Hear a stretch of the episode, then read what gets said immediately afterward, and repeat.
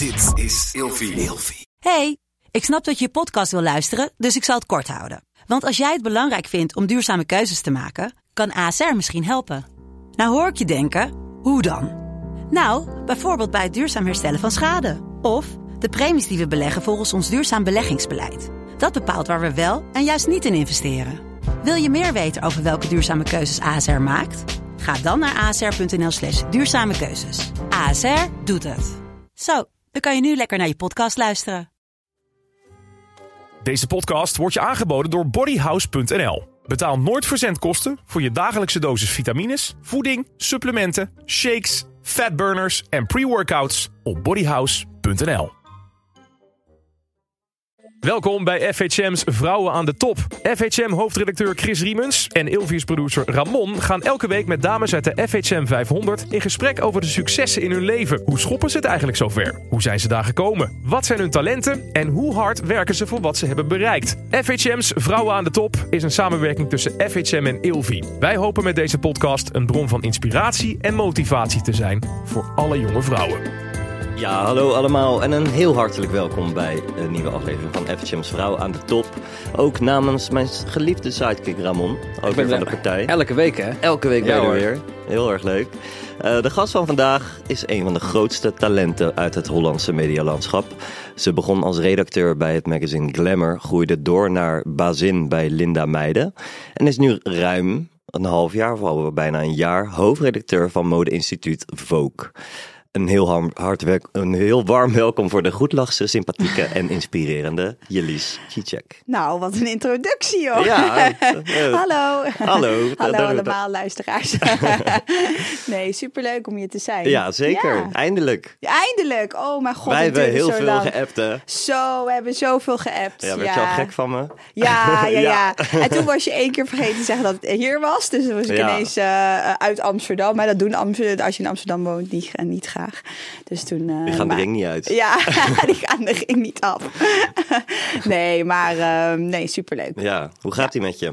Goed. Ja? Ja, gaat heel goed. Ja. Heb je eh, leuke dingen op de planning staan? Nou, we hebben net het septembernummer gelanceerd. Ja. Dus dat is wel echt een big thing natuurlijk. Het Mhm. september issue is het belangrijkste nummer eigenlijk van het jaar voor Oh, Vogue. waarom? Ja, dat is omdat je dan zeg maar aan de nieuwe collecties laat zien. Dus Ja. die worden in maart geshowd. En dan in september dan is het eigenlijk een soort curatie van... dit zijn de beste shows, dit zijn de beste stukken. En dat, dat is altijd, zit veel meer mode en hij is ook wat dikker. Dus het is het belangrijkste nummer van het jaar. Ja, Dus die is net gelanceerd en we hebben een groot feest erbij gehad. Dus het was eh, heel leuk. ja. waar eh, Ja. heb je het gehouden, het feest? Eh, Secret Garden. Dat is nieuw, hè? Ja, dat is nieuw. Ja, we wilden ook echt als eerste september issue en een september feestje wilden we natuurlijk echt iets waar nog niemand geweest was. En eh, het was net twee weken open. Dus ik was daar twee weken daarvoor, dacht ik, oh mijn god, gaat dit goed komen? Maar het kwam goed en het was echt een, eh, echt een succes. Ja, ik zag wat foto's voorbij komen. Zag er ja, was heel erg nice. mooi uit, ja. Ja, super mooie plek. Ja, Ja. leuk. En ehm, deze podcast neem, beginnen we altijd met het cv doornemen. Oh ja, Dus wat is jouw volledige naam? Jelis Cicek. Ik sprak het goed uit. Ja, Jelis Cicek. Ja, Mooie naam. dank. Wat is eh, de af, eh, afkomst? Eh, mijn vader is Turks Ja. en mijn moeder is Nederlands. Nou nee, trouwens niet helemaal waar. Mijn moeder is half Nederlands, half Brits. En mijn vader is Turks. Ja. Dus, en het is een Turkse naam, ja. Ja, mooi. En je geboorteplaats? Nijmegen. Nijmegen. Ja. Ben je daar geboren en getogen? Geboren en getogen. Ja, fantastische stad. Ja? Ja. Ik ja. ben er dus nog nooit geweest. Ja, nee, het is echt een, eh, een hele oude stad. Het is een studentenstad. Eh, het is de, de laatste jaren komen er hele goede restaurants allemaal bij. Dus eh, het ligt aan de Waal. Nee, het is echt een hele mooie stad. Leuk. Eigenlijk gewoon een hele leuke stedentrip dus, zo te horen. Zeker. Of de zomerfeesten. Heb je daar wel eens van gehoord? Vierdaagse? Ja, de Vierdaagse ken ik wel, ja. dan zijn altijd de zomerfeesten. Dus dat is een goed moment om naar Nijmegen te gaan. Ja, Dan is gewoon de hele stad is een één groot festival is het eigenlijk. Elk plein, elk cafeetje, alle restaurants. Iedereen doet wat buiten, heeft terras buiten staan. De grootste artiesten komen optreden. Het is echt, echt heel leuk. leuk. Zeker. En ga je daar nog elk jaar terug naartoe? Zeker, traditie. Ja, nee, ik neem maar voor vrij. Ja. Ja. Oh, wauw. Niet de hele week, want dat vind ik dan wel weer, de- Ja. dat is dan weer net iets te veel voor eh, met mijn baan. Maar Ja, eh, vanaf woensdag dan is het roze woensdag en dan eh, zo donderdag en vrijdag afsluitend. Ja, ja. leuk. Nou, dan ga ik die in de agenda zetten Doe om, maar. om daar een keer naartoe te gaan. En wat is je huwelijkse staat? ik ben getrouwd. Getrouwd? Ja, ja met Jordi, Jordi Ja. Chris. Eh heel leuk man, nog steeds hartstikke verliefd. We zijn al 17 jaar samen. Wauw, ja, dat is lang. Hoe oud waren jullie? Dus echt vanaf 15? Ja, dankjewel. Nee. maar fijn, ja, klopt. 15. Nee. ik was eh 18 Ja. en hij. eh, nee, andersom, sorry. Ik was net. Ik werd bijna 19 en hij was 18. Oh ja, Ja. echt eh, jeugdliefde Ja, eigenlijk. En dat ja. helemaal doorontwikkeld. Ja. Mooi ja, hoor. Ja. Ja. Leuk. En eh, wat is je hoogst genoten opleiding? Eh, de universiteit, de UvA, eh, communicatiewetenschappen, Oh ja. bachelor. Ja. Ja. Hoe was die studie? Theoretisch. het was heel, eh, maar wel een hele, hele leuke studie hoor. Eh, maar het was, eh, ik ben daarna nog Artemis gaan doen. een modeopleiding, omdat Ja. ik de modejournalistiek in wilde. En ik heb journalistiek toen niet gekozen. Dus ik vond het wel, ik, had, ik miste een beetje een specialisatie. En toen dacht ik, en, en iets meer praktijkervaring. Dus Mhm. toen ben ik daarna nog Artemis gaan doen. Ja. Ja, En daar heb je meer praktijkervaring op Ja. gedaan. Ja, want mijn laatste, eh, daar moest je echt zeg maar meelopen met stylistes. eh, je moest portfolio opbouwen. Het was ineens, ik kwam echt uit de, van de UvA. En waar ik de hele dag in de boeken zat. En toen moest ik bij Artemis moest ik ineens knutselspullen gaan kopen. En dan was ik thuis eh, zelf kleurstalen aan het maken. En ik was stofjes aan het uitknippen. Het was zoiets anders. Maar het was echt eh, eh, super. Een hele goede aanvulling op, op de universiteit. Vooral als je in de mode wil werken. Want dan krijg je ook echt wat modekennis. Dus stofkennis en fotografiekennis. En ehm, ja, dus dat was, eh, dat was heel fijn. En je moest dus echt heel veel eh, praktijkervaring opdoen. Dus, dus je ging met stylistes meelopen. Ik heb ook een keer Fashion Week geassisteerd. Een keer met Dani Bles meegelopen, een andere stylist. En uiteindelijk ben ik daar ook nog een extra stage gaan doen, Marie Claire. En zo is het allemaal begonnen. Bij Marie Claire, daar begon je echt als... Ja, eh, want je zei net glamour, maar dat is waar heel veel mensen mij van kennen. maar het is ja. eigenlijk allemaal begonnen bij Marie Claire. Dus ik was daar Kijk. stagiaire. En toen Ja. ben ik op een gegeven moment, ik ben wel heel even weg geweest, want toen was er geen plek voor mij. Eh, maar toen ben ik teruggekomen na een jaar, geloof ik. Eh, en toen ben ik daar, het was mijn eerste baan. Mhm. En dat was, eh, nou ja, ik wil zeggen redacteur, maar ze hadden gewoon één plek over. En ik deed van alles. nog. ik was, was assistent van de hoofdredacteur, assistent van de redactie, eh, productieassistent, eh, redacteur, online redacteur. Ik was alles Jij in was één. vliegende kiep. Ja, vliegende kiep. Ja, maar daar eh, alles geleerd wat ik moest leren. Ja, Ja. Wat is het voor Marie Claire voor blad? Ja dat, is een, dat, was, dat was echt een. Dat, dat is er nog steeds. Maar eh, vroeger was dat eh, net als Elle en Vogue, dat was een hele grote titel. En ik, het is een heel intellectueel blad. Dus het is wel een modeblad, maar er zat al heel veel human interest in. ehm, toen de tijd. Terwijl toen, toen de tijd modebladen nog wel heel veel. Mo het ging echt over mode en beauty. Nu ook steeds meer. En je ziet steeds meer dat het ook een opinie, opinieblad wordt. En dat er steeds meer human interest in komt. Eh, maar toen was Marie Claire was dat al. Er stonden echt fantastische reportages in. Waar dan eh, ehm, ja, een soort global fund voor was. En dat, dat ging dan eh, drie weken. Gingen ze dan op reis met Japanse eh, oesterduikers. Weet je wel. En Oh, dat waren wow. dan oude vrouwen. Weet je, ja, dat is echt fantastisch. Echt de mooiste reportages. Dus daar heb ik met heel veel plezier gewerkt. Ja. Ja. Dat, maar dat waren dan freelancers die dat soort verhalen aanleverden, denk ik. Want Ja. een redacteur drie weken... Nou, dat ging zo, hè. Vroeger niet. Het, in mijn tijd was het al een beetje voorbij. Ja, wij zijn net te laat. wij hè? zijn echt te laat, hè. Dat is echt eh, de gouden tijden. Denk je, potverdorie, wij werden net te laat hoofdredacteur. Ja, klopt. Nee, maar vroeger gingen mensen natuurlijk wel drie weken of twee weken op een modeproductie maken in het buitenland. Ja, dat bestaat natuurlijk niet meer. Nee. Ongelooflijk, ja. Ik hoorde ook, ik hoor nog steeds op persstrips van andere journalisten dat soort verhalen uit de oude doos. Wat er Ja. vroeger allemaal kon, dat was Ja. ja. Ja, ja. twee weken naar Hawaii en eh, vriendinnen mee kunnen nemen en eh, alles. Niks, Crazy. niks was te gek, ja. ja. Maar wij plukken ook nog steeds wel de Zeker. vruchten. Ik van- klaag absoluut Nee, niet laten we hoor. niet klagen. Nee, Nee, ik klaag ik. helemaal niet. Nee. Wat was jouw eerste baantje? Ehm, mijn eerste baan was ehm, in de cafetaria bij mijn vader. Dus eh, mijn vader is horeca-ondernemer en eh, ehm, heeft ook altijd cafetaria's gehad. En eh, dus gewoon waar ze dunner en friet en dat soort dingen hebben. En wat ik toen deed was, ik was 13 en ik deed toen de telefoon opnemen, de bestellingen aannemen. En ik zorgde al toen op mijn 14e op een gegeven moment ging ik ook al groothandelbestellingen maken. Dus ik deed een beetje een soort administratief werk. En, en later ben ik ook gewoon bij hem gaan werken. Ja. Ja.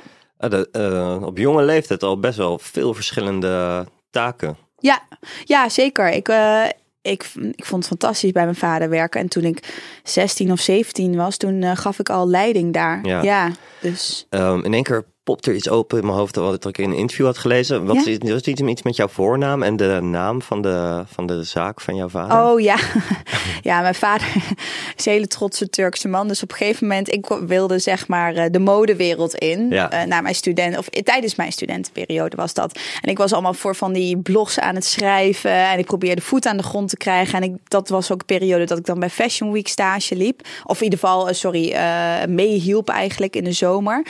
En eh, toen kwam mijn vader eh, terug en wat zijn, zijn hobby was dan eh, niet goed lopende cafetaria's opkopen. En dan zijn naam eraan plakken. Ja. En dan draaiend maken en dan doorverkopen. Ja. En toen had hij een nieuwe zaak. En toen zei hij van, eh, kwam ik thuis. En ik was denk ik 23 of 22. En toen zei hij van, ja, ik heb een nieuwe zaak. En raad eens hoe die heet. Dus ik, wij echt zo, nou, geen idee, Chichek 5 of zo. Nou ja, weet niet.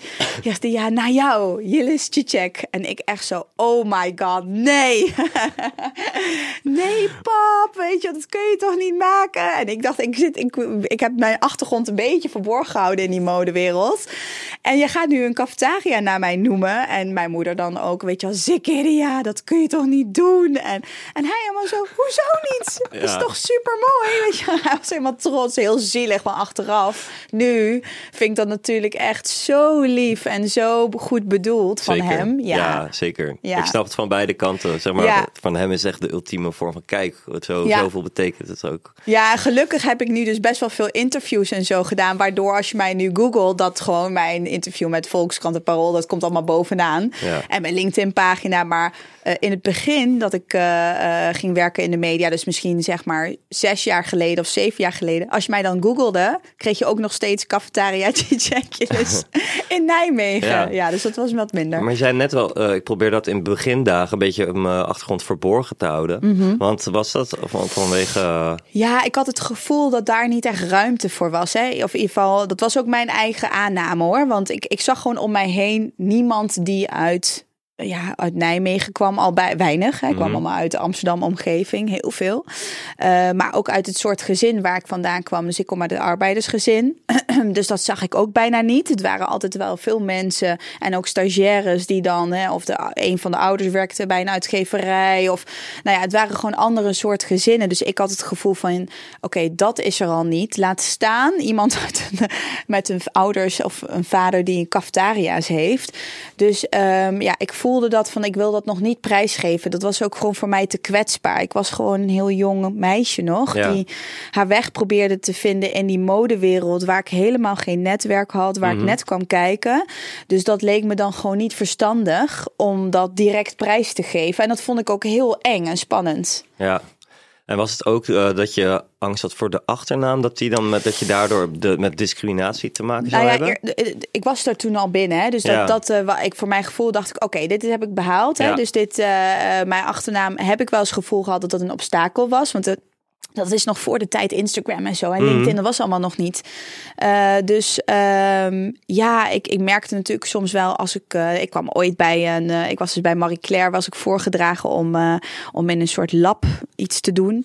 En daar was dan zo'n eh, ehm, ja, zo'n manager voor aangesteld. En die had waarschijnlijk helemaal niet aan de, op de sollicitatie gekeken. En toen kwam ik binnen en toen zei diegene van... Oh, nou... Nou, dat had ik nou ook helemaal niet verwacht. Weet je, maar hij bedoelde het positief. Maar ik dacht dus wel van, oh ja, mijn naam doet dus iets met mensen. Dus hij had een heel beeld Ja. gecreëerd. Ja. Kun je dus voorstellen als je dus in zijn ogen, ik weet niet wat hij had verwacht hoor, eh, ehm, wel heel Turks of zo eruit Mhm, zag. Whatever that means, Ja, weet je wel. precies. Ja. Dus ik dacht wel van, hmm, weet je, dat heeft toch zijn er bepaalde mensen met ja vooroordelen of nou ja of hoe Ja. hè, gedachten over hoe iemand eruit Ja. moet zien. Dus ik merkte al wel eh, dat er af en toe van die opmerkingen eh, waren waarvan ik dacht, oh oké, weet je wel, dat is mijn naam doet wel iets met mensen en waardoor ik volgens mij ook in het begin toen ik gewoon een bijbaantje probeerde te krijgen in de mode, hè, dus niet echt de Mhm. baan in de media, Ja.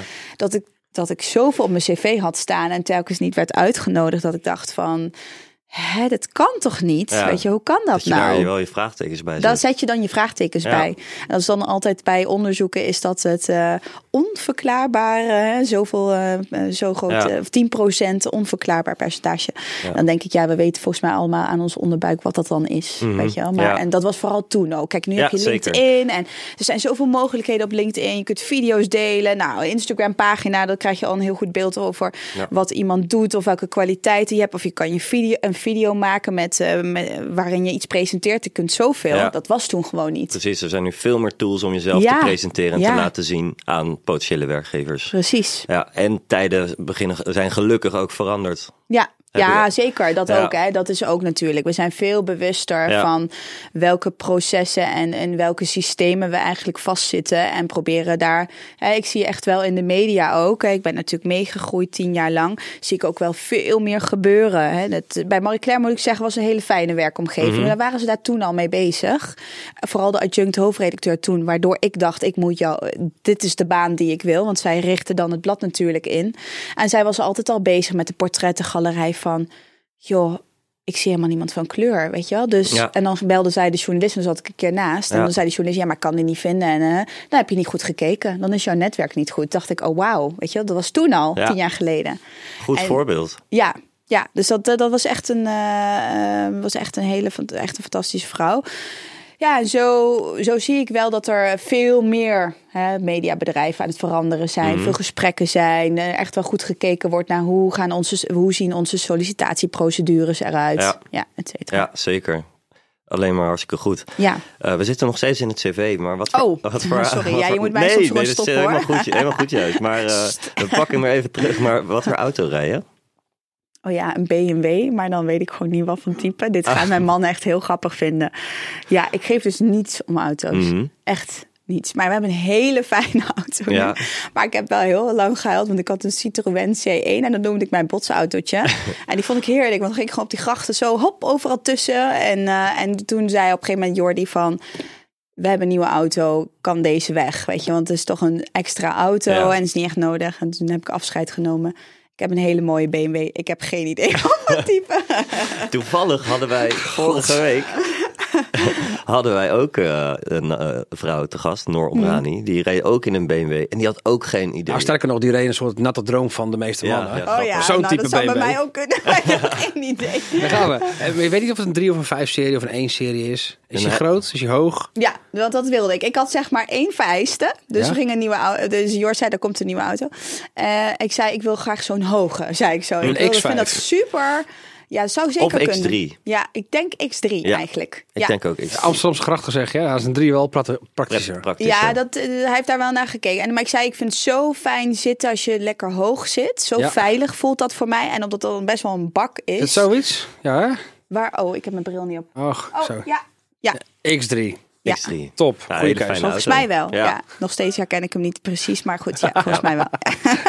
Zoveel geeft om, dus om auto. Ben jij zelfstandig of in loondienst? Zelfstandig. Ja? Ja, Al lang?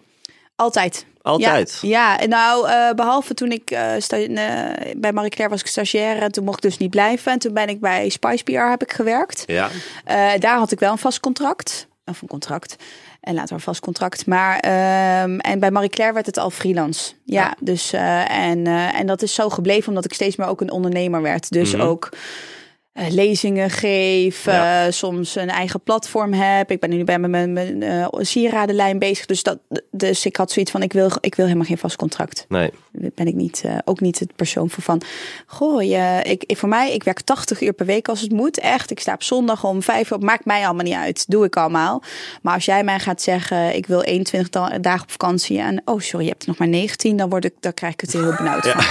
Ja. 100%. Ja, toch? Ja, dat, door, dat, dat, dat, dat Ja. Trek ik niet. Nee. nee. Want eh, ja, je doet hartstikke veel.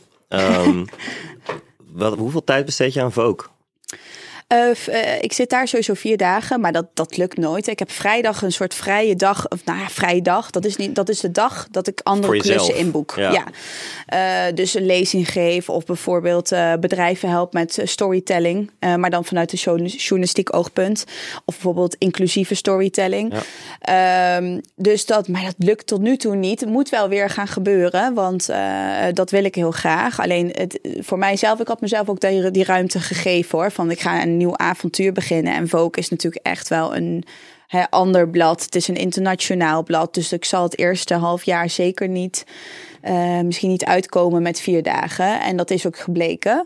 Um, maar dat ga ik wel weer proberen in het najaar. ik heb ook mijn eigen platform. Dus ik, ik wil dat ook altijd een beetje behouden. Ja. Dus dat ga ik wel weer proberen. En ik werk ook heel vaak in het weekend. Ja, ja, volgens mij maak jij af en toe inderdaad 80 uur in de week. ja. Ja, hè? ja, ja. ja. Uh, de vraag der vragen, deze stellen we aan iedereen. Uh, heb je het afgelopen jaar meer of minder dan 100.000 euro verdiend? Mm, meer. Meer? Ja. Lekker bezig. Ja, ja, het is wel een beetje mijn goal om elke keer boven die 100.000 te zitten. Oh, dat is ook echt de, de, ja. de line. Ja, Vet. eigenlijk wel. Ja. En soms lukt het dan niet, omdat ik dan heel veel met... Nou ja, je weet zelf, je wordt niet per se heel rijk van het mediawerk. Hoeft ook niet, hè? Want dan kan je natuurlijk hele mooie, waardevolle dingen mee doen. Maar um, ja, ik probeer dat wel ja. te behalen. Gewoon omdat ik dat dan ook weer in, in mijn eigen platform kan steken. En, en ja. Dus, ja. ja, zeker. Ja. Kan je ook weer je, je, goede dingen mee doen. Je bent ondernemer en dat geld kan je gebruiken voor je ondernemingen. Precies. En waar, hoe is die, uh, de verdeling qua inkomsten van, vanuit je verschillende dingen die je doet? Uh, nou, het meeste komt wel uit, uit Vogue natuurlijk. Maar... Um, je ook de meeste tijd aan? Zit ik ook de meeste tijd aan. Dus dat is best wel aardig veel. Alleen in de media verdien je, dat denken mensen, dat je ook als hoofdredacteur, ja, er zijn gewoon geen, uh, er zijn geen commerciële tarieven die daar gelden. Nee. Uh, dus je kan soms ineens, als ik echt een half jaar knal met ook lezingen en, en bedrijven helpen en dan kan of bijvoorbeeld een beetje wat influence-achtige ja. klussen, en dan kan je ineens best wel wat binnenhalen. Ja. ja. ja. Wat wilde jij vroeger worden als klein meisje? Toen je echt, dat je hmm. eerste meisjesdroom? Arts. Arts? Ja. Ja, maar ik was heel slecht in natuurkunde. dus uh, nee, ik wilde echt graag arts worden. En um, ik, op een gegeven moment werd ik ingeschaald op MAVO-HAVO. En dat was mhm. veel te laag voor mij. Dus ik ging toen gelijk in de, in de derde, sorry, uh, naar het VWO. Maar toen kwam dus een beeld dat je ook zo'n profiel, profiel mocht kiezen. En toen heb ik nog wel gezegd van... oh mijn god, mijn droom is altijd al om medicijnen te gaan studeren. Geneeskunde te studeren mag ik niet dat profiel gaan doen. Maar dat vonden ze toch ook wel heel spannend, omdat ik vanuit de tweede MAVO-HAVO direct naar VWO ging. Ja. Um, dus dat mocht toen niet, dat profiel. Dus dat uh, heb ik moeten laten gaan. Helaas. En wanneer kwam uh, de omslag toen je dacht van, hé, hey, maar die mode en die media, of mediawereld vooral. Media vooral, ja. ja. voor mij was het, ik vond mode heel leuk hoor. En ik, ik, ik werd altijd heel erg aange... Ik, ik, kocht heel veel tijdschriften van mijn, uh, van mijn geld, mijn, mijn, geld wat ik verdiende bij de, bij, met de bijbaantjes. Um, maar het was wel echt veel meer, veel meer die media. Dus ik, ik, ik scheurde ook wel heel veel verhalen uit. Hè. Het was niet per se alleen maar mooie modeplaatjes. Het was wel, en dan ging ik mijn eigen tijdschrift van maken. En dan schreef ik er dingen bij. En op een gegeven moment zat ik ook in de school, uh, werkte ik bij de schoolkrant. Uh, schreef ik daar stukjes uh, voor. dus het, was wel, en ik was ook wel best wel veel bezig met lezen en, en documentaires kijken. Of naar een documentaire festival wilde ik dan wel. Dus het was wel echt die mediawereld wat mij trok. En pas veel later dacht ik oh ja, maar kan ik dat dan combineren? Want ik hou ook heel erg van mode. Ja. Nou, dat kon, bleek. Dat, dat komt. Ja, want het begon bij, uh, bij Marie Claire. Ja. Um, nou, daar heb je eigenlijk net al uh, een en ander verteld. Op een gegeven moment maakte je de overstap. Heb je dat, was je daartussen, Spice PR? Ja, een jaartje. Is ja. dat van Thijs? Nee, dat is van Davy. Oké. Okay. Uh, en daar kan je ook heel veel van leren. Echt een fantastische vrouw. En dat was toen de tijd, was dat uh, nu nog steeds grootste mode PR-bureau. En ik had zoiets van, volgens mij als ik um, ergens anders ga werken. En als dat een PR-bureau moet zijn, dan moet dat een PR-bureau zijn die belangrijke modemerken heeft. En vooral, uh, zij hadden ook echt designers. Dus young designers. Hè. David Laporte hadden zij toen al. Claes Iverson. Uh, Peep of the Labyrinth. Dus vandaar dat ik toen dacht, oké, ik kan misschien wel de PR in. Was niets voor mij hoor trouwens. Maar, ehm, maar dan wel bij een PR-bureau die ook sterker is in modemerken. Want dan Ja. blijf ik ook nog Die in- connectie. ja, in con- die connectie houden met, eh, met Ja. de mediawereld. En met de modebladen vooral. Hoe lang heb je daar gezeten uiteindelijk? Ja, ik denk trouwens iets langer dan een jaar. Een jaar en een maand of zo, zoiets. Ja. Dus je zei al, het, is, eh, het bleek niks voor mij te zijn. Maar wat heb je daar wel van opgestoken van die tijd? Nou, eh, ja, de, ik heb mijn netwerk is daardoor echt gigantisch gegroeid. Ehm, dus dat was, ik, je ontvangt daar natuurlijk allerlei stylisten van modebladen. Ja. En je staat op allerlei events waar mensen willen zijn. En wij deden toen, toen ook de, bijvoorbeeld Vogue-events. Eh toen was Karen Sverik nog hoofdredacteur. Ehm, dus voor mijn netwerk was dat fantastisch. En wat je moest doen van Davy was eh, om de week iemand op de koffie vragen die je niet kent. Oh, dat is een goeie. Ja, dat is, dat is super eng Ja. natuurlijk. hè, Want het waren natuurlijk allemaal hè, mensen uit de modebladen of überhaupt hè, van kranten, gerenommeerde journalisten. Die moest jij dan vragen om een koffie te drinken. Dus die moesten soms ook niks van je hebben hoor. Maar ehm, dat was wel, ik heb toen echt wel geleerd van, oh nee heb je, ja kun je krijgen. Ja. Alles vragen. Ja, Ja, want heel veel mensen reageerden heel open en warm eigenlijk. Dus, ehm, en ik heb daardoor ook heel veel leuke gesprekken gehad. ja. Ja. En een enorm eh, netwerk opgebouwd. Enorm netwerk. Ja, Ja, hele leuke opdracht. Ja. Ja, nooit eerder gehoord. Ja. Om te onthouden. Mhm. En ehm, vanuit daar ging je naar Glamour? Of zat... Eh, ging ik, nee, ik ging vanuit daar. Dus ja, inderdaad, toen ging ik naar Marie Claire. Hè? Dus Oh, toen ging ik was- terug naar Marie Claire. Want Ja. zij, eh, ik was toen eh, een jaartje weg. En Ja.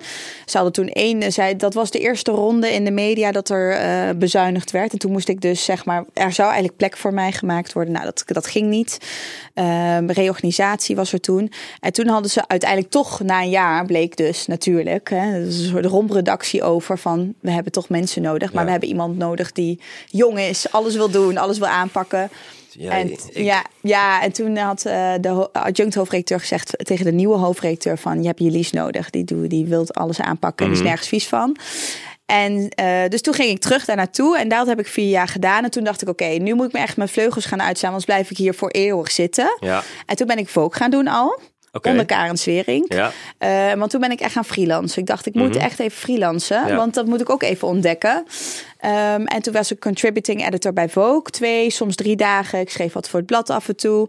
Eh, toen ben ik ook mijn commerciële klanten op gaan bouwen. Dus toen eh, ben ik bijvoorbeeld voor G-Star, Ikea, eh, L'Oreal... ben ik ze gaan helpen. Want dat was de opkomst van di- het digitale Digital, tijdperk. Hè? Ja. Met van hoe kan je nou een boodschap overbrengen. Dus veel meer vanuit journalistiek oogpunt. mhm. Dus wat, en wat wil de audience? Niet alleen maar wat wil ik als merk vertellen. Dus eh, op een gegeven moment heeft iemand dan één nieuwe broek. Weet je, dat was ook wel één klant. En heeft dan één super sustainable jeans of whatever. En dat moet dan zeg maar gepusht worden. En terwijl ik dan liet zien van... dan moet je dus al veel content hebben opgebouwd over Mhm. dat onderwerp. Weet je, dat was toen allemaal nog wel van... oh ja, we moeten als een redactie werken. En we moeten veel meer bedenken van... wat wil dan de lezer of de kijker of... Ja. Dat was super leuk. Hè? Dat was echt van, daar heb ik ook heel veel van geleerd. Want daar was natuurlijk veel meer mogelijk hè, bij commerciële Ja. bedrijven. Dat zijn natuurlijk veel grotere bedrijven, veel meer eh, geld zit daar. ja, zeker. Maar toen miste ik wel gewoon echt de mediawereld. Mhm. Hè, dat die echt com commercie, weet je, vind ik leuk hoor. Maar dat, ja, weet je, dacht ik moet terug Terug naar het creatieve ook meer. creatieve en het schrijven Ja. en eh, Want dit was alleen een adviserende rol? ja, was echt er bijna. Je ging, ja. was niet bij het eh, ma- maakproces Nee, bij één klant dan wel, Oh ja. maar en soms, maar nee, vooral adviserend. Ja, Ehm, en toen, ehm, toen kwam de positie voor adjunct hoofdredacteur vrij bij Glamour. ja. En eh, daar ben ik toen voor gevraagd. En, eh, en dat heb ik met eh, heel veel plezier 3,5 jaar gedaan. Ja. En toen was ik zo aanwe denk ik aanwezig, waardoor soms mensen denken van Daar, is daar ben ik begonnen. Precies, maar, daar ben je, heb je vooral de bekendheid een ja, beetje daar heb opgebouwd. ik de bekendheid ja, opgebouwd. want wat heb ja. je daar allemaal gedaan? En hoe was het bij Glamour?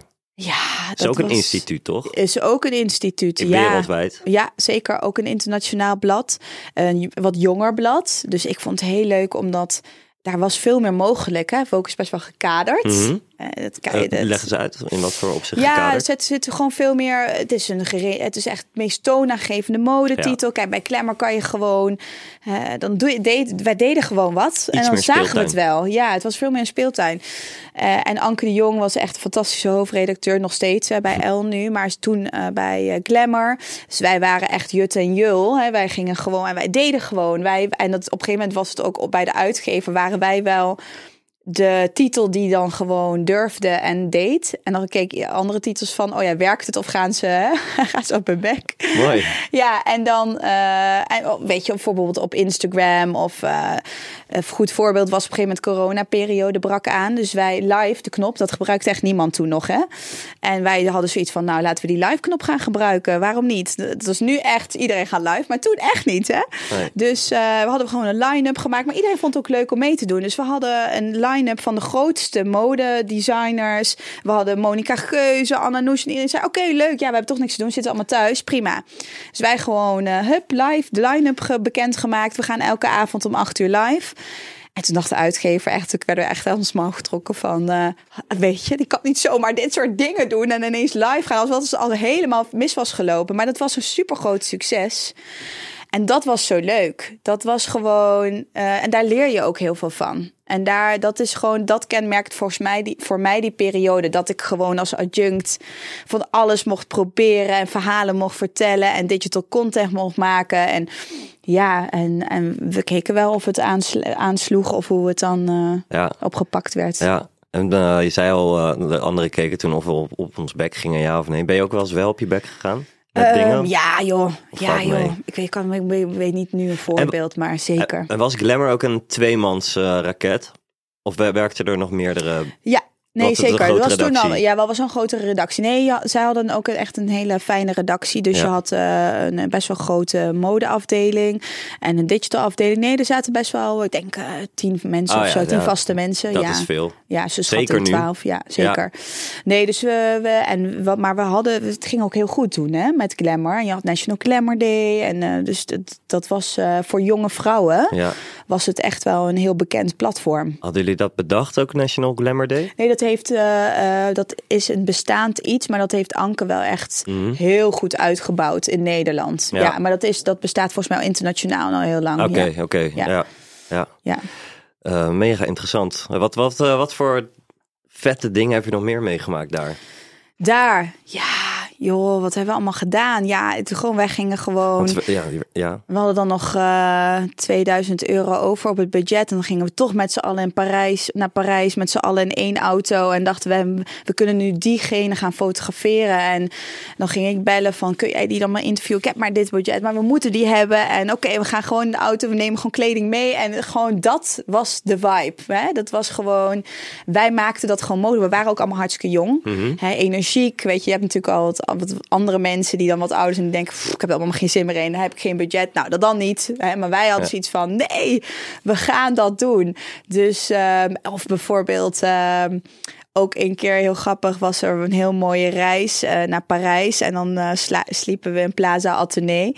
Maar dat, daar wilde ik natuurlijk ook heel graag logeren. En dan zei de creative director Saskia van Langenvelde... kom maar gewoon bij mij op de kamer, maakt toch niks uit.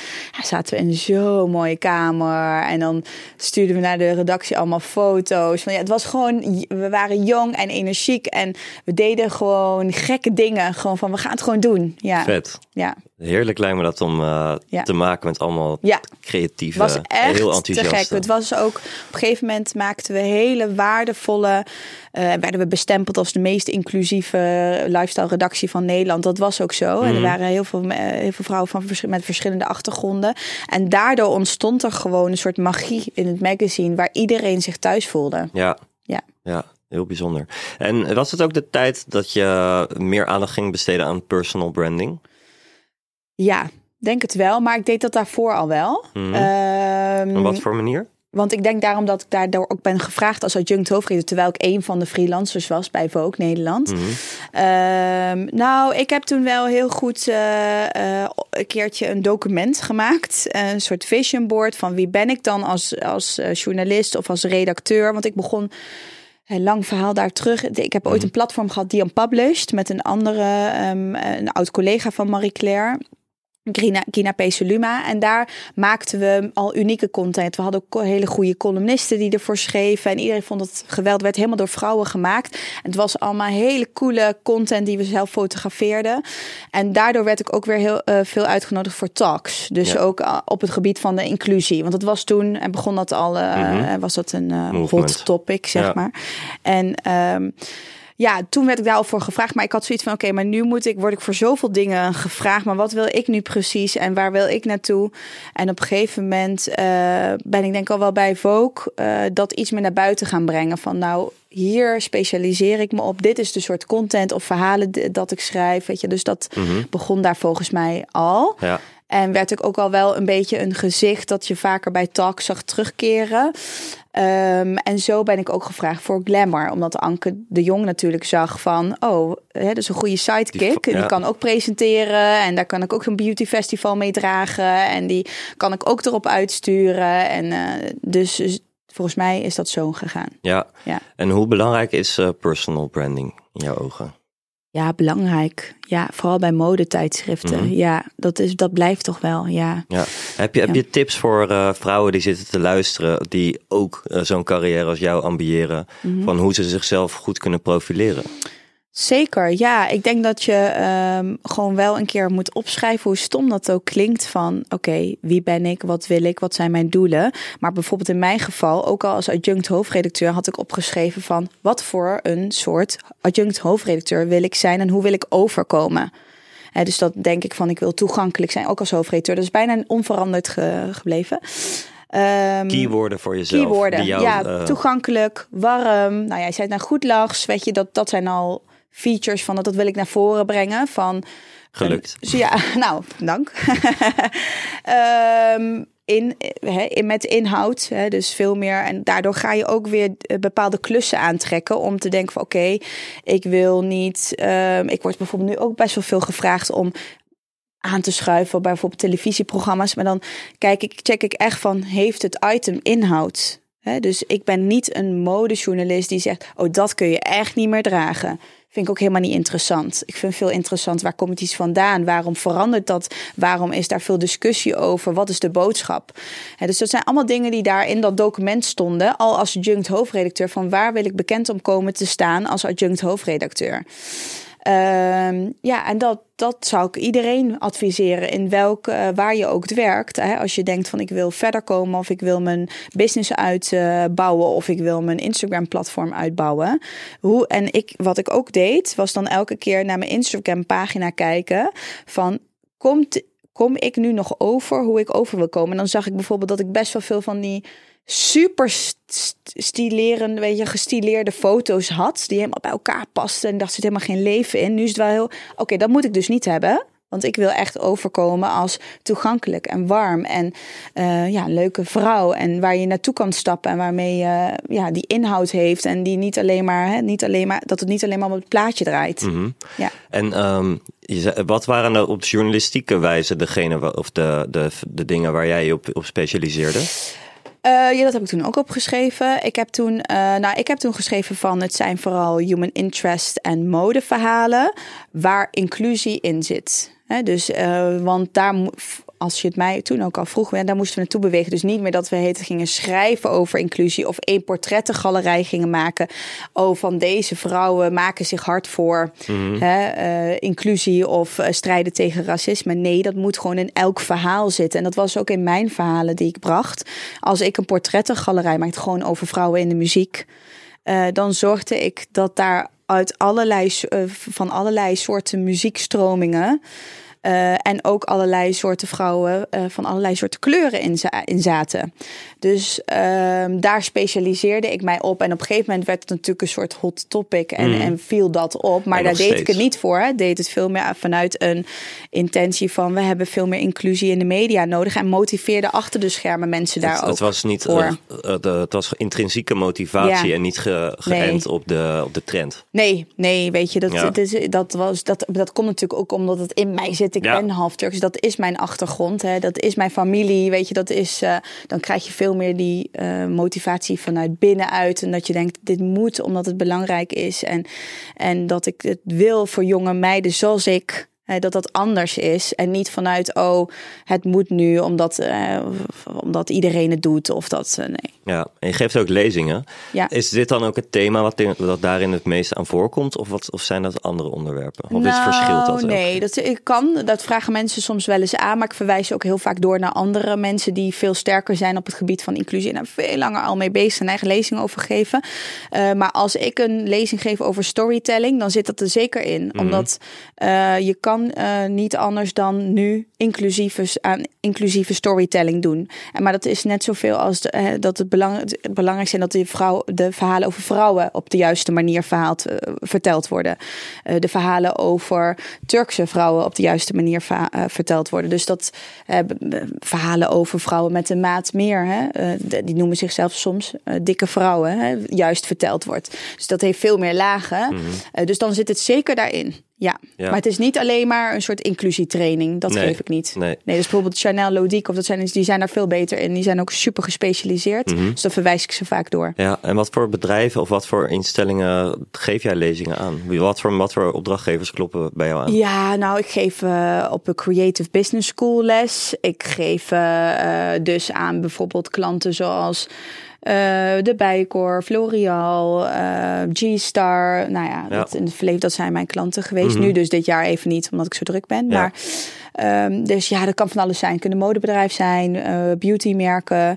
Ehm, ja, En is het eh, een lezing die, die plat gezegd al klaar ligt, eh powerpointje, of Nou, specificeer je hem telkens? Ja, ik heb er nu eentje klaar liggen die ik dan steeds meer eh, Update. ja, update. Maar ik heb mezelf voorgenomen dat als ik het weer meer ga doen, dat ik echt een keer met een vriend van mij die vormgever is, echt even een goede versie ga maken. Ja. Die ik dan echt even altijd mee kan nemen en die gewoon helemaal in kan en kruiken. Tip top in orde Ja, eruit ziet. top in orde, ja. ja. Ja, je glamourperiode was een, eh, nou, klinkt als een hele mooie cowboy-achtige speeltuin. Ja, Ehm, daarna, daarna ging je naar Linda Meijden, klopt Ja. dat? klopt. De, je maakte de transfer binnen de mediawereld van glamour naar Linda Meijden. Ja. ja, zo wordt het gezien. Ja, de transfer. ja, klopt. Ja, dat was. ehm, ik, ehm, ik, ik werd gevraagd om te solliciteren. En eh, Karen Svering, waar ik dus onder had gewerkt bij Vogue, Ja. die was al naar Linda vertrokken. En eh, op een gegeven moment ging eh Jara Michels, die ging Ja. weg. Toen hebben ze heel even gewacht, want het, werd, was ook corona. Ehm, en toen ging ik op de koffie. En ehm, ja, dat klikte wel. En ik dacht, hmm, dit is toch wel ook een mooi blad en een mooie titel. Een interessante doelgroep. Waarom? Ja, want zo jong was de Gen Z's. Hè? Dus Mhm. ik dacht, oké, ook goed voor mij om weer helemaal in die doelgroep te gaan verdiepen. Ja. En eh, wat ik interessant vond en ook altijd aan de mode heb gevonden, is natuurlijk dat activistische randje. Hè, dat je dat platform kan gebruiken, ook om verandering teweeg te brengen. Dat het niet alleen maar over een mooi jurkje moet gaan.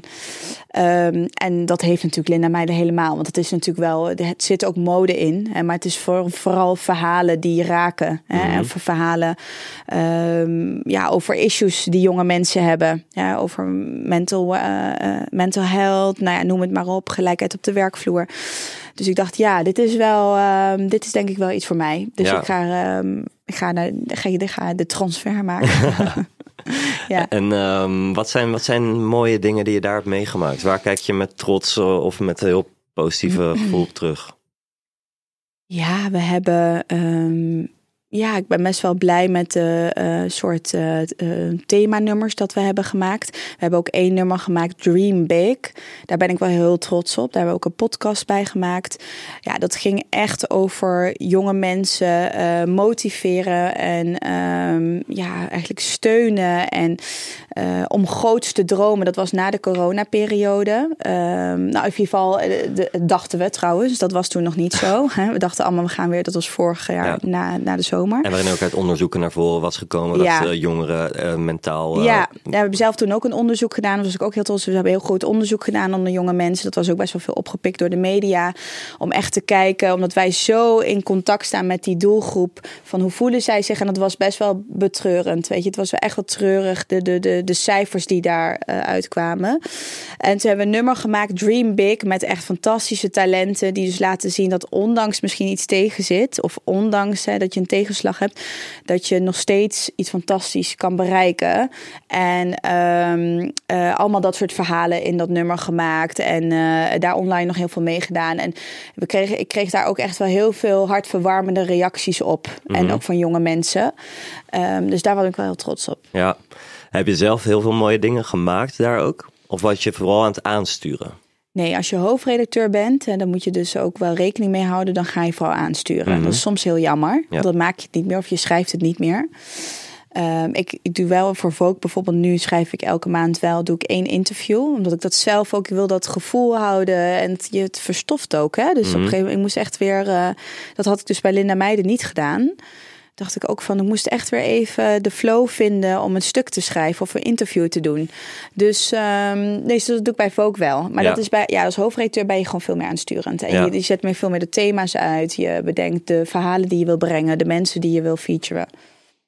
Ja. Ja. En in je carrière heb je denk ik wel een hoop eh, interessante, leuke mensen gesproken. Ja, Noem, noem maar eens wat. geïnterviewd bedoel je? Ja? Ja, dat gaat echt van Zoe Kravitz. Eh, die ken je, ken je Ja, toch? Ja, zeker. tuurlijk. Ja, Eh, Zoe Kravitz. Dochter eh, van? Dochter van. En Tot- actrice, toch? Ja, Ge- actrice, zeker. actrice, ja. Tot, ehm, ja, wie nog meer? Even denken hoor. Cara Delevingne. Ehm, tot, nou ja, ook in Nederland allerlei soorten mensen.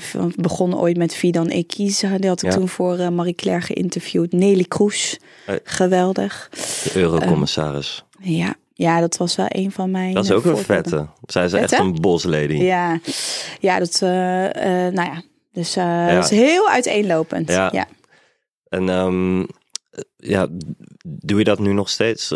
Bij Vogue doe je dat nu nog Ja, steeds? dus eh, nu, eh, nu doe ik vaak het Voices interview. En dat zijn echt eh, mensen die het verschil maken. Dus die, eh, ehm, ja, die iets, een bijzonder boek hebben uitgebracht. Of die ehm, ja, zich ergens voor inzetten. voor of het nou duurzaamheid is of gelijkheid. Of nou ja, Ja. Heb je mensen die, daar heb je een bucketlist van mensen die je nog een keer wil een portret over wil maken of een interview van wil maken? ja, ik zou ook wel Beyoncé willen doen. Ik ook. Ja, Michelle Obama, Beyoncé. Dat vind ik allemaal eh, echt Ja. Oprah. Ja. Ik bedoel, Dream ja, big. Ja, sorry, die gaat, dat gaat natuurlijk nooit gebeuren. Maar hallo, als je Oprah mag interviewen, ja, ik weet niet. Maar dat is natuurlijk wel echt dan, eh, you can die peacefully. Ja. Mooi. Ehm, bij Vogue ben je nu eh, drie kwart jaar ongeveer bezig, toch? ja. Ja. Hoe, ja, leg even uit aan de mensen wat Vogue, hoe, wat voor instituut dat is. Ja, dat, dat eh, Vogue is, ehm, staat meer dan 100 jaar. Ehm, het is het meest toonaangevende modeblad ter wereld. En dat is eigenlijk bijna een soort, ja, ehm, wat daarin staat, dat, dat daar wordt gecureerd, eh, wordt de modewereld eigenlijk gecureerd. Dus daar wordt in aangegeven van welke modellen, welke, eh, welke modellen interessant zijn, of een mooi verhaal hebben, of welke collecties echt iets teweeg brengen, welke designers iets fantastisch aan het doen zijn, of vernieuwend zijn, of eh, daar, daarvoor kijkt iedereen toch wel naar Vogue. Ehm, en het betekent ook echt iets in de modewereld om bijvoorbeeld in Vogue te staan.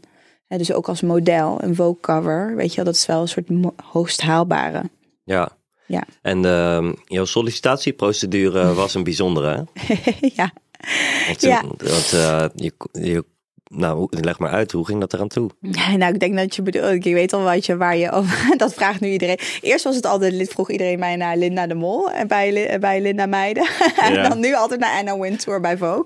Echt grappig, je hebt plaats gemaakt voor Anna Wintour. internationaal gegaan. Ja, precies. maar ehm, ja, ik had, eh, ehm, ik, had een, eh, ik had een aantal sollicitatiegesprekken. Want het is wat ik al zei, het is het meest toonaangevende blad van Ja. ter wereld.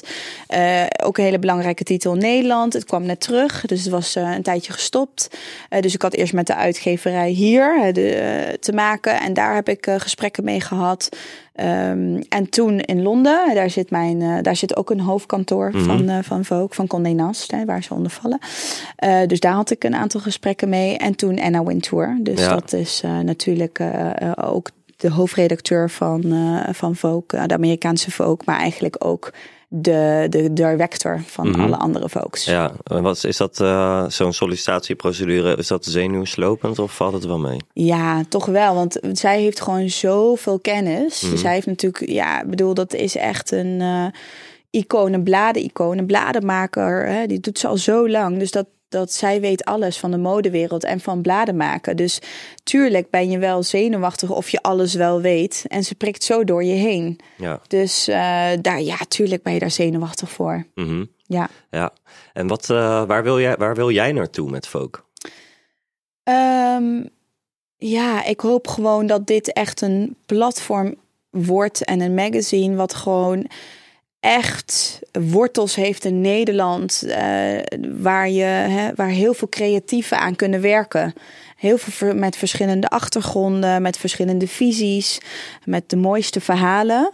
Ehm, en dat wij dus ook dat platform kunnen zijn om dat dus aan creatieven te bieden. En ook aan jonge creatieven. Hè, dat ze dus voor een kunnen werken. Want ze kunnen niet zomaar voor een Franse Vogue. Kan wel hoor, dat hebben een paar mensen wel bewezen. Maar ehm, als je dan dus Vogue Nederland als ook een soort springplank kan gebruiken. dan Hoe fijn, hoe fijn is dat? Eh, dus ik hoop dat het eh, naast een eh, echt wel een... ehm, eh, voor de Nederlandse modewereld gewoon veel kan betekenen. En vooral voor de jonge mensen. Denk ik ook gewoon voor lezers dat, dat we laten zien eh, hoe, ze, ja, hoe, de mo hoe, hoe mooi de modewereld is. En wat ze daar allemaal in zouden kunnen doen. En mensen ook inspireren. jonge vrouwen inspireren van niet alleen wat ze, wat ze moeten dragen. Maar ook eh, welke fantastische banen er allemaal zijn. En wat carrière tips zijn. En nou Ja. ja, et cetera. Ja, over carrière tips gesproken. Jij bent nu al jarenlang hoofdredacteur. Eh, wat zijn de capaciteiten waar een hoofdredacteur over moet beschikken? Ehm, ja, je moet wel echt een bruggenbouwer zijn. Je moet, je moet heel sociaal zijn. Je moet echt een bruggenbouwer zijn. Eh, je, moet, je moet echt wel management skills hebben. Ja, dat er zijn wel best wel wat dingen die je, die je moet hebben, denk ik. Mhm. Ehm, maar je hebt met gewoon heel veel. Naast, je, je geeft leiding aan een redactie die vers- bestaat uit verschillende eh, afdelingen. Die allemaal een manager bijvoorbeeld hebben. Dus de, de modeafdeling, de tekstafdeling, de vormgeefafdeling. Hè, dus die, daar, je geeft die leiding. Dus dat vraagt al heel veel om, om management skills. Maar ook, je moet ook zorgen dat, die samen, dat we samen tot het mooiste eindproduct komen. Dus je moet soms ook echt bruggen bouwen. Dus je moet eh, laten zien van dat is een, dit moeten we inderdaad doen. Of, dus je bent wel ook de hele dag bezig met, ehm, ja, met dat managen. Eh, Ja. Dus ik denk dat dat een hele belangrijke is. En ik denk dat sociaal zijn, dat dat heel belangrijk is. Ook naar adverteerders toe. Je moet naar heel veel evenementen. Je moet ook heel veel evenementen hosten. Dus je moet toch wel, eh, ehm, naast presentatieskills, moet je ook sociaal zijn. Want je bent ook de hele dag onder de mensen. Je kunt niet in je hokje, ieder geval niet van Vogue, eh, een, een, een Vogue maken. Dat is ook heel veel netwerken en Ja, met modellenbureaus zitten. En ja, ja. En ook, ehm, je zei het net al, heel veel eh, erop uit. ja. Maar ook, je wordt natuurlijk ook heel veel uitgenodigd voor hele bijzondere dingen ook. Eh, neem ons even mee, wat voor bijzondere dingen heb je al mogen ervaren? Nou, ik denk als hoofdre- hoofdredacteur van Vogue dat, dat, dan, eh, dat er nog extra deuren open gaan die normaal gesloten blijven. ja, ik was dit jaar op reis met Louis Vuitton naar San Diego. Mhm. En het leek wel of die hele stad omgetoverd was door Louis Vuitton. Eh, elk restaurant waar je kwam was gewoon gebrand, maar gewoon echt nice. Dus Louis Vuitton. Er stond een hele mooie truck buiten en tafelkleden waren Louis Vuitton. En werd je daar weer opgevangen naar de volgende locatie gewezen. En ehm, de show was toen bij het Salk Instituut, eh, een soort instituut voor wetenschappelijk onderzoek, waar nooit natuurlijk een modeshow wordt gegeven. Maar daar, de, ja, ik krijg er kippenvel van. Het was op een gegeven moment, eh, de zonsondergang hadden ze ook precies zo getimed, hè, dat ze dan gingen lopen, beginnen met de show. En het was gewoon, ik kreeg niet eens op beeld hoe mooi dat was. Die kleuren en die, tussen die grote eh, witte gebouwen. Zo bijzonder om daar te zitten. En dan voel je je zo klein. En dan denk je, dit is zo groots. En gewoon die hele reis was zo mooi en bijzonder. En eh, ook heel veel mensen ontmoet, goede gesprekken gevoerd. Ja, ik dacht al, wauw. Dit is wel eh, next level. Ja. Ja. dat zo bijna zo'n hele stad is overgenomen door, door zo'n modehuis. Ja. Ga je vaak op persstrip? Ja, redelijk vaak. Mhm. Ja. ja, ze willen dan toch graag de hoofdredacteur mee, hè, als het natuurlijk een persstrip Ja, is. vervelend. Ja, shit. nee, maar ik probeer natuurlijk wel ook altijd te kijken van... het is ook fijn als natuurlijk mensen van het team af en toe kunnen gaan. Ja. En het zijn natuurlijk wel de, de kersen op de taart. Zeker. Ehm, en dus het is ook fijn, iedereen die heel hard werkt aan dat blad. Hè? En eh, het is echt vaak rennen en een soort rijdende trein, weet je wel. Dat is echt, eh, dus het is ook fijn als zij natuurlijk af en toe ergens naartoe gaan. Ja, zeker. En waar ben je nog meer eh, geweest dit jaar? Eh, nou, wat ook wel heel mooi was, was het ook een Cruise Collection presentatie van Dior. Mhm. En dat was dan in Sevilla.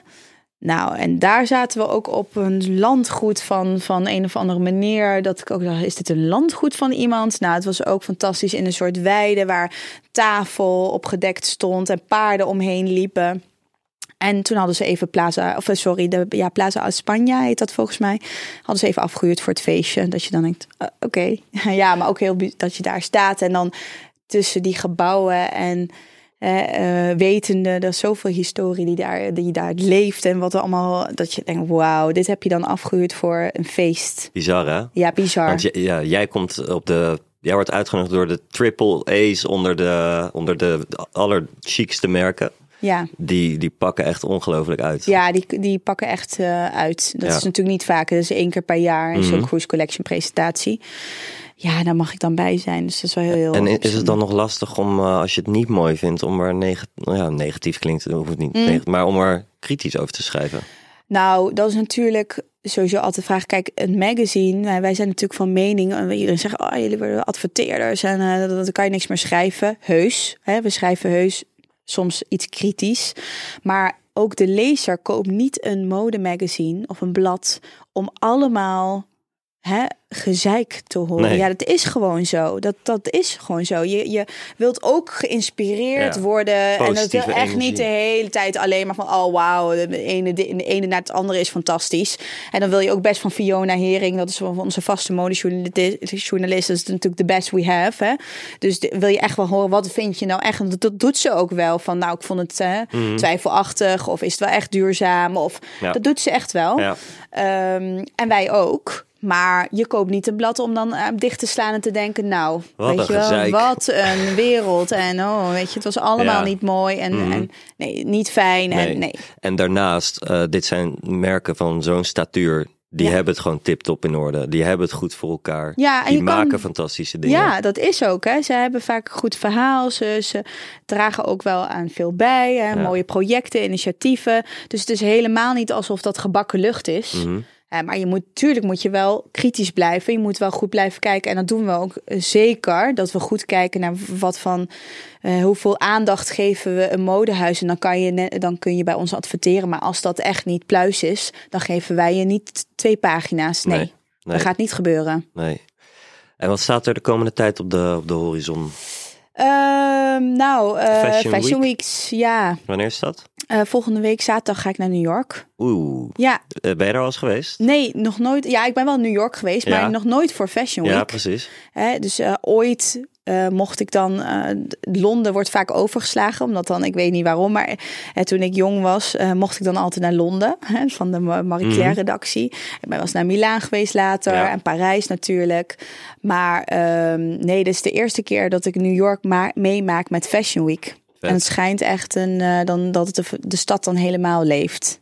Ja. Helemaal leeft. Die leeft ja, natuurlijk ja, al het in leeft natuurlijk ja. al, maar dat er nog, hè, dat er in de, de mooiste eh, galerieën, weet je, dat het er hele bijzondere locaties die dan omgetoverd worden voor een bijeenkomst of een feestje of een talk of een ander soort Ja, evenement. Ja, al heel Show. vet. Is de New York Fashion Week eigenlijk de, de meest gerenommeerde Fashion Week onder de Fashion Week? Of is dat Parijs? Mm, Parijs, Parijs, dat is de nummer één, of Ja, course. dat is echt Modehoofdstad van de ja, omdat natuurlijk ook couture daar. Ja. Het, dus niet, nu wordt niet couture geshowd hoor, maar dat is op een ander moment.